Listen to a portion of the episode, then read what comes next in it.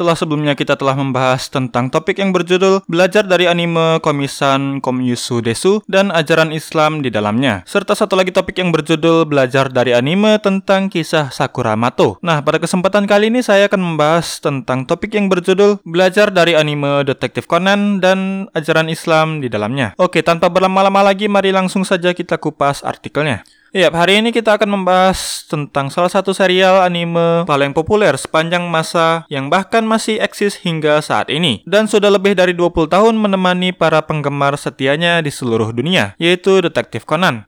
Ya, jika berbicara tentang serial Detektif Conan, bagi anak-anak kelahiran 90-an dan 2000-an pastinya sudah tidak asing lagi dengan serial satu ini. Selain ditayangkan setiap seminggu sekali di salah satu TV nasional, mangganya pun sangat laris manis dan beberapa kali menjadi bestseller di toko-toko buku terkenal.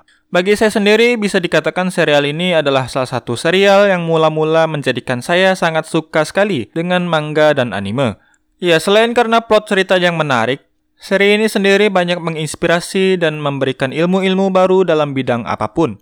Saya masih ingat ketika saya masih kecil dan juga bahkan hingga masa remaja, saya sering kali menirukan gaya Shinichi Kudo memasukkan tangannya ke saku celana. Ya sudah pasti hal itu saya lakukan pada saat itu adalah biar dikatakan keren oleh teman-teman. Itulah bukti betapa saya sangat mengagumi serial satu ini. Ya, selain gayanya yang keren dan analisisnya yang mantap, jika kita membicarakan tentang serial detektif Conan dan hubungannya dengan ajaran Islam, mungkin kita tidak akan cukup membahasnya dalam satu video saja, mengingat banyaknya hikmah dan ajaran Islam yang bisa kita bahas di dalam serial ini. Saking banyaknya, bahkan di awal-awal cerita saja, tepatnya di episode ke-1 dari animenya dan juga chapter ke-1 dari manga Detektif Conan yang menceritakan tentang plot utama dari serial ini. Kita sudah dapat menemukan salah satu ajaran Islam yang sangat menginspirasi kita dalam menghadapi kehidupan, yaitu keep moving forward alias terus bergerak maju.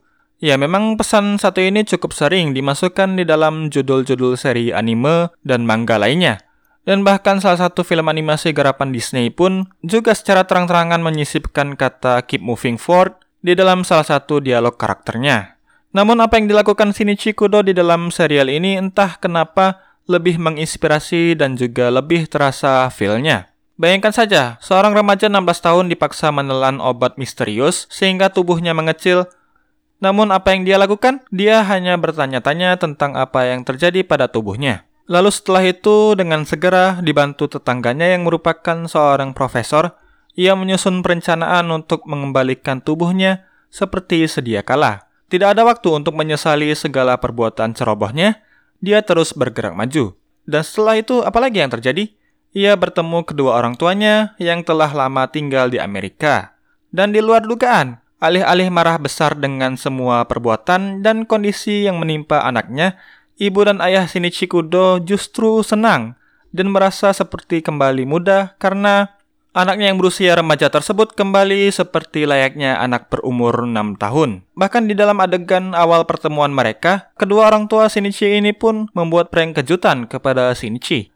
Adegan-adegan itulah yang banyak menginspirasi penggemar-penggemar detektif Conan termasuk saya pada saat masih kecil ketika saya menonton serial ini. Ya, memang bagi kita yang masih banyak mengeluh dan berambisi dengan kehidupan, adegan tersebut terasa tidak masuk akal dan sedikit kurang manusiawi.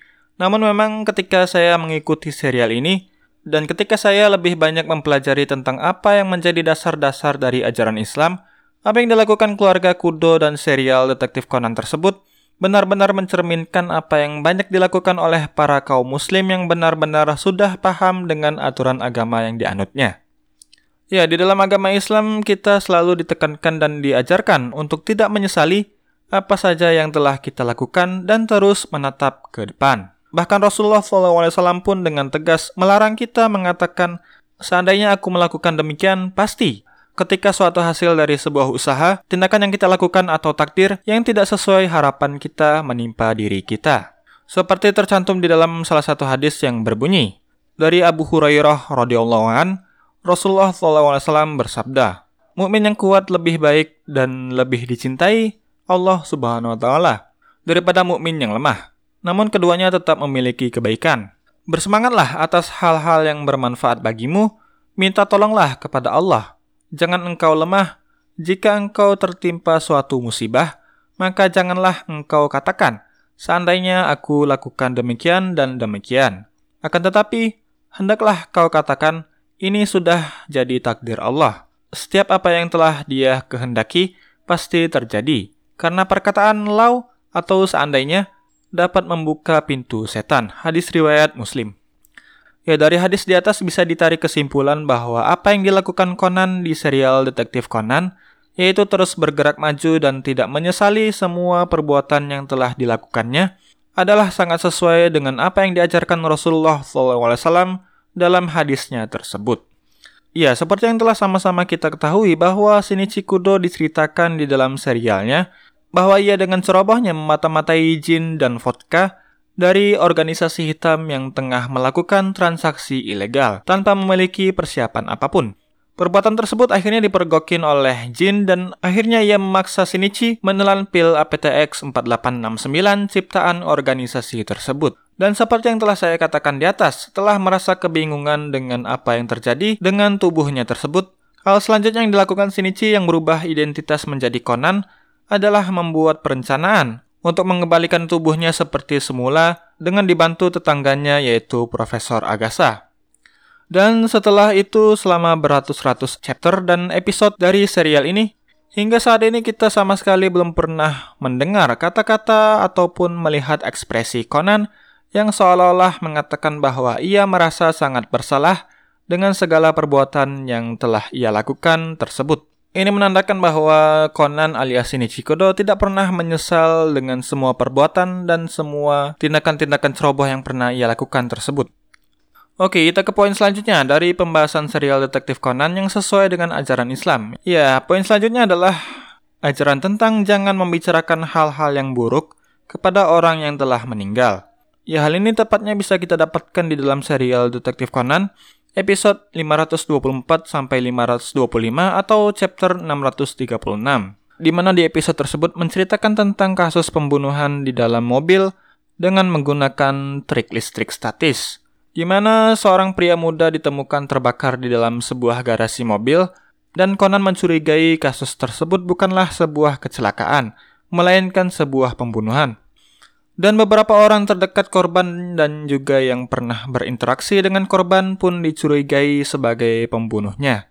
Nah, di salah satu adegan di dalam episode tersebut diperlihatkan bahwa Profesor Agasa dimintai kesaksiannya tentang kasus pembunuhan tersebut. Setelah dimintai kesaksian tersebut, Profesor Agasa mengatakan, Sebenarnya saya tak ingin menjelek-jelekkan orang yang telah meninggal, tapi sepertinya ia bukan tipe orang yang bisa menjaga janjinya untuk tidak merokok.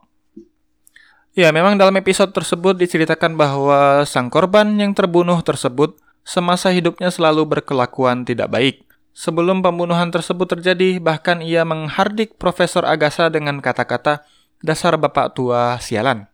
Namun bukan karakter korban atau trik pembunuhan tersebut yang menarik perhatian saya, melainkan kata-kata Profesor Agasa yang mengatakan bahwa ia sebenarnya tidak ingin menjelek-jelekan orang yang sudah meninggal tersebut. Ya, kata-kata ini mengingatkan saya dengan salah satu hadis Rasulullah SAW yang berbunyi, Janganlah kalian mencela mayit, karena mereka telah pergi untuk mempertanggungjawabkan apa yang telah mereka perbuat. Hadis riwayat Bukhari nomor 1329. Dan di dalam hadis lainnya juga dikatakan, dan janganlah kalian mencela para mayit sehingga kalian menyakiti yang masih hidup. Hadis riwayat Ahmad.